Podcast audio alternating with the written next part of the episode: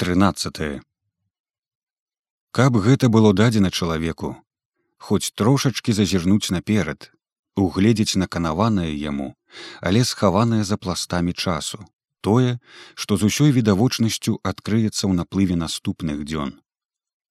Дык дзе там?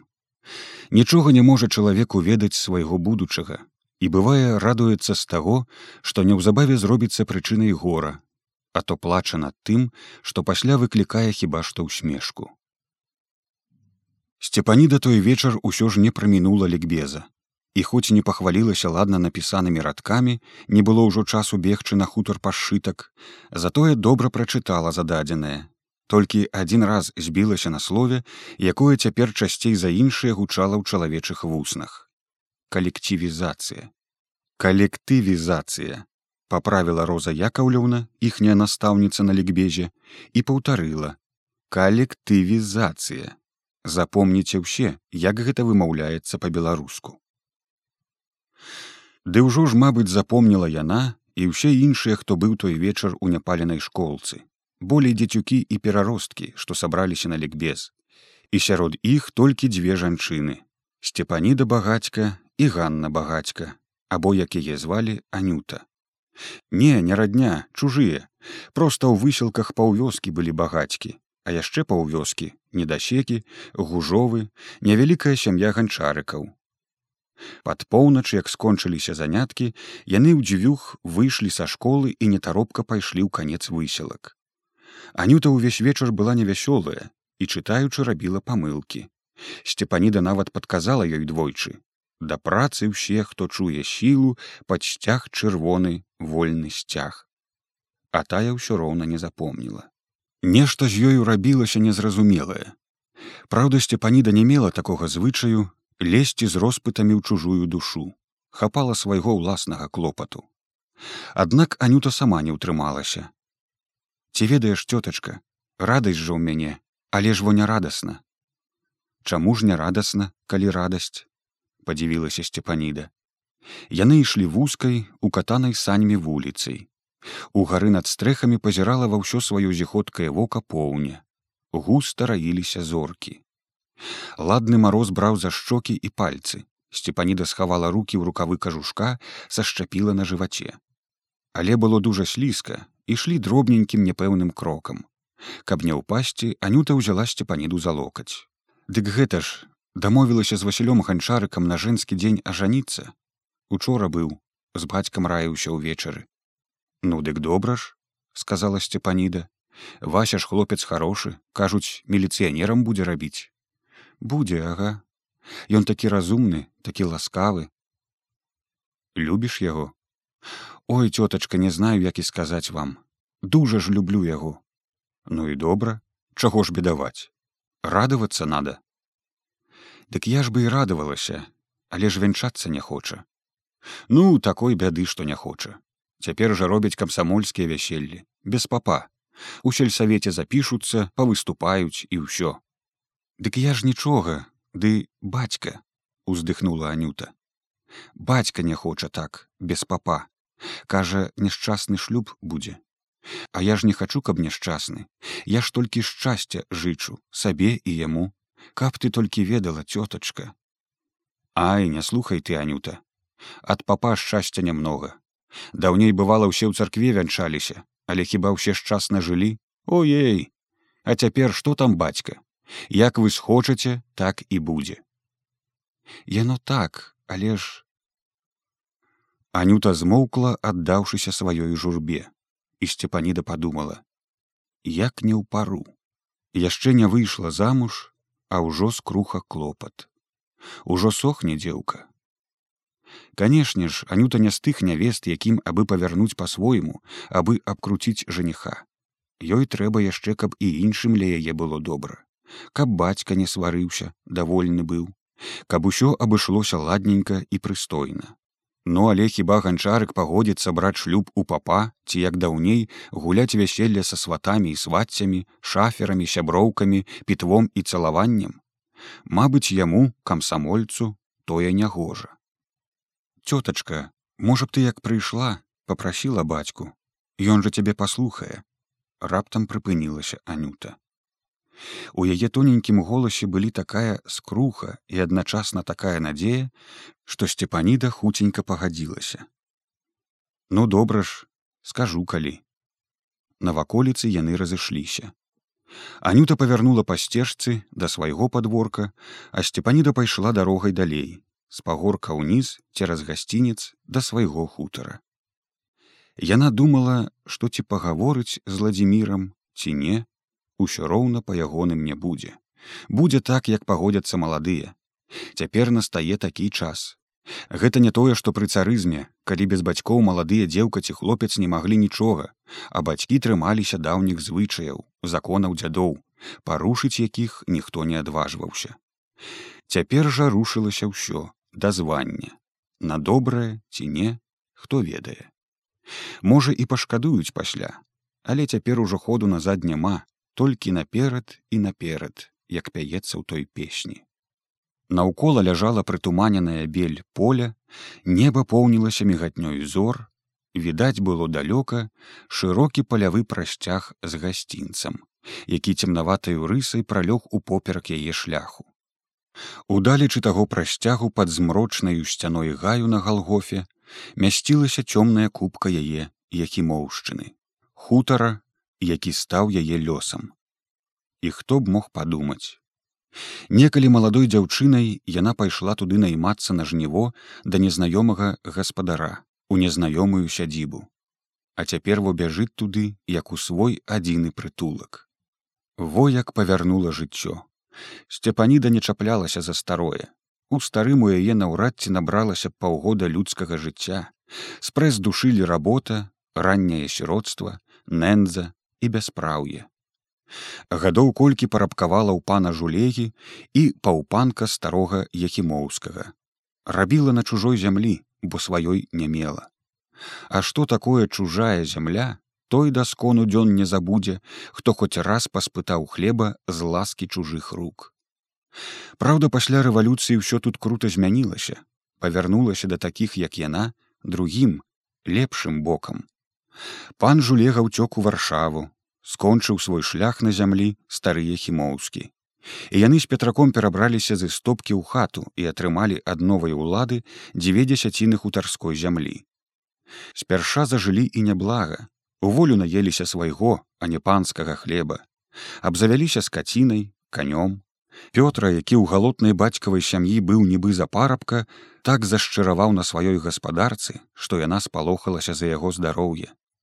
Але свая зямля вымагала, і ён так рупіў з усякай работай, так заўзята араў, біў кукай глыжы, угнойваў кожны маленькі лапічак глею. Затым сам адзін касіў, звозіў і зноў араў, сеяў, скародзіў. Набытая ад старой гаспадаркі кабылка не вытрымала і пала першай вясной. Гэта было вялікае гора, якім нагараваліся ў волю, пакуль набылі каня. А тады звалілася ліха на пятрака. Як нарадзілася феня, сцепаніда падпала здароўем, і ён мусіў адзін і жаць і касіць, і рваў як асілак і надарваўся.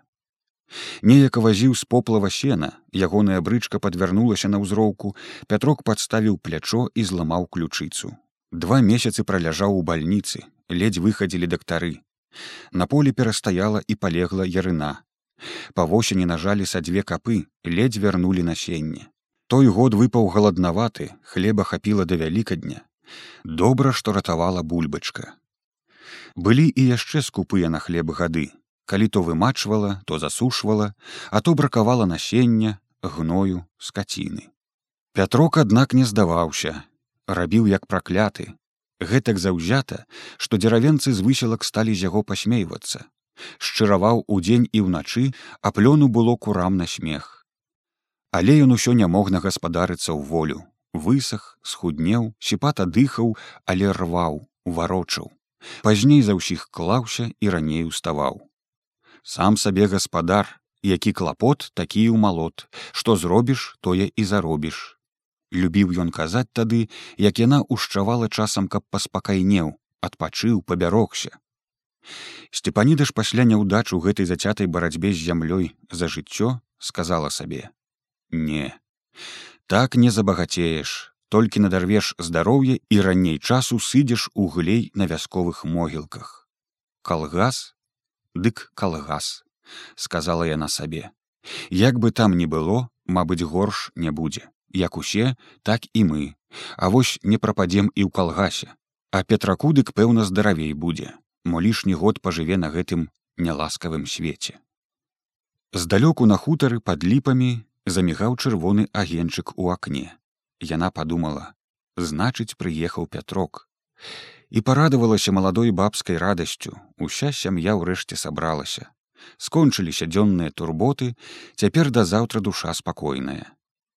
На белым ад месячнага святла падворку стаялі сані з рэштаю сена. Конь ужо быў упарадкаваны карміўся ў хляве. Можа пятрок разжыўся на газу подумала сцепаніда бо ў газніцы яе засталося дужа мала на адзін можа вечар яна наказвала папытаць наконт ботаў у аднаго знаёмага жыдашаўца на станцыі. На боты канешне было мала грошай усяго десять рублёў. Але можа б як дамовіўся на павер ці паабяцаў якую бараннюю лапатку фунты два масла ці яшчэ чаго як-небудзь сплацілі б. А то ў адных валёнках дваім яўна не выкрутка калі хто абуе дык другому хоць сядзі дома нікуды не вытыкайся. А вытыкацца трэба як во сёння. Кожны дзень не гэта дык тое ўсё клічуць абавязваюць трэба ісці бегчы. Дзверы ў сенцы былі не зашчэплены яна пераступіла парог і зашчапіла іх. Увайшла ў хату. Адразу сцяміла. Дзеці ўжо спяць У дымнаватым прыцемку хаты было ціха і цёпла, смярдзела газай і тытунёвым дымам.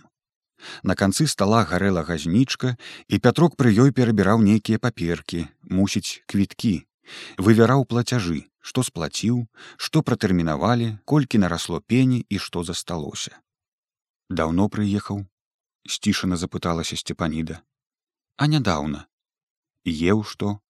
Елі тут крупнік. Яна пачала распранацца, павесіла на цвік кажушок, зняла з галавы цёплую хустку. Ну як камуна запытаў ад газнічкі пятрок. Сарганізавалі ўжо? Пастанавілі гужа раскулачыць сказала яна аб іншым. Прыязджаў новік. Як сабатажніка і што наёмная сіла пятрок падняў да газнічкі немалады зморшчаны і зашчацінілы твар і ўважліва паглядзеў на яе. У ягоных вачах спярша адбілася трывожнае здзіўленне, якое хутка саступіла месца паныласці. Што робіцца на свеце? трудно сказаў пятрок. Наёмная сіла. Якая наёмная сіла? А такая, сказала яна, памагалі ставіць тры сцен, наймаў і на жніве таксама. Бога на вас няма, уздыхнуў пятрок раскулачыць. Наёмная сіла. У таго ж старшыні лявона таксама была наёмная сіла як малачілі во ладзіміравы мальцы памагалі. Адной рукой што ж ён і цэпам не ўдарыць дык і яго раскулачыць. Тут бач яшчэ сабатаж сказала сцепаніда заўчора ж ён на сходзе ўпёрся і сарваў калгас. Яна села на нізкі ўслончык і пачала разбэрсаваць свае наледзянелыя за дарогу чуні Пятрок за сталом не мог супакоіцца.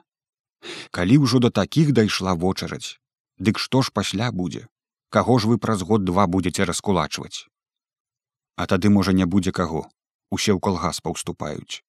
Можа і паўступаюць, але як жа з класавай барбой, класавая ж барба не адмяняецца. Можа і адменяць, калі ворагаў не стане. Дужа ты знаеш, незадаволена абарвала яго сцепаніда сапраўды што ён знаў? Гэты цёмны мужик які не хадзіў нават на сходы рэдка калі браў у руки газету з начальствам ніколі не гутарыў. Мог толькі цьмяна меркаваць аб усім сваім небагатым мужыцкім розумам. Што гэта ў нас усё не так як у людзей раздумна сказаў пятрок пазіраючы на мельготкі агенчык газнічкі. Вунь на станцыі гаварыў з адным мужиком аднекуль з-пад улы. У іх нічога ціха і калгасаў не чуваць. Ніхто не прыязджае не заганяе. Нікога яшчэ не раскулачылі. Чакай дабяруцца. У глушы можа жывуць. За балотам дзе? Можа і за балотам. А ў нас? А ў нас во у раёне под носам. Ды і за кругі не прамінаюць. Пры дарозе ж. Яно і добра што пры дарозе. У тым тоже выгода сказала сцепаніда і ўспомніла. Газы купіў далі одну літру напай. Дужа яе хопіць гэтыя літры. Ну колькі хопіць. А там подвязуць дарога ж усталявалася. А пра боты пытаўся. Боты! Неяк спалохана зірнуў на яе пятрок быццам толькі зараз успомніўшы пра боты. Ботаў няма сказаў ён і ўстаў за стола. Худы невялічкі з запалымі грудзямі стары.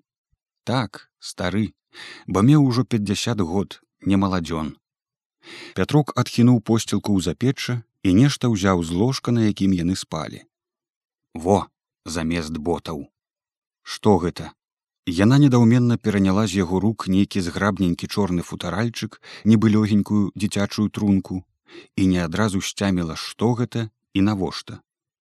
Скрыпка, сказаў Пятрок. Здурнеў ты. Можа, і здурнеў. Гэта ж дорага мусіць, спалохалася сцепаніда. Во хадзіць не маўчым. У федькі башмакі разваліліся, а ён скрыпку. Яна ж вялікія грошы каштуе. Мусіць, усе дзесяць аддаў. Пятрок неякавата патэпаў каля яе, узяў футарал і беражным дотыкам закарэлых пальцаў разняў зашчапкі. Ашчадна, нібы дзіця, выняў адтуль чырвона-блішчастую скрыпачку з чорнай дэкай і прыгожа закругленымі выразамі па баках. Ты ж хацела, вінавата напомніў Пятрок. Калі гэта я хацела, калі тое было, тады маладая была, дзяцей не мела, а цяпер ну ты здурнеў. У што цяпер абуцца будзе? Хоць босая хадзі а ён скрыпку. Калі ты на ёй граць будзеш во зіма канчаецца сеяць скора ды ўжо мабыць адсеяўся а панурана сказаў пятрок і адчужана адышоўся сеў на лаву. Нядоўгая прыўзнятасць у настроі канчаткова пакінула яго. На стале побач з футаралам ляжала некранутая смычком скрыпка. Чырвонец аддаў яшчэ два вінаваты. На павер даў жыд адзін на станцыі.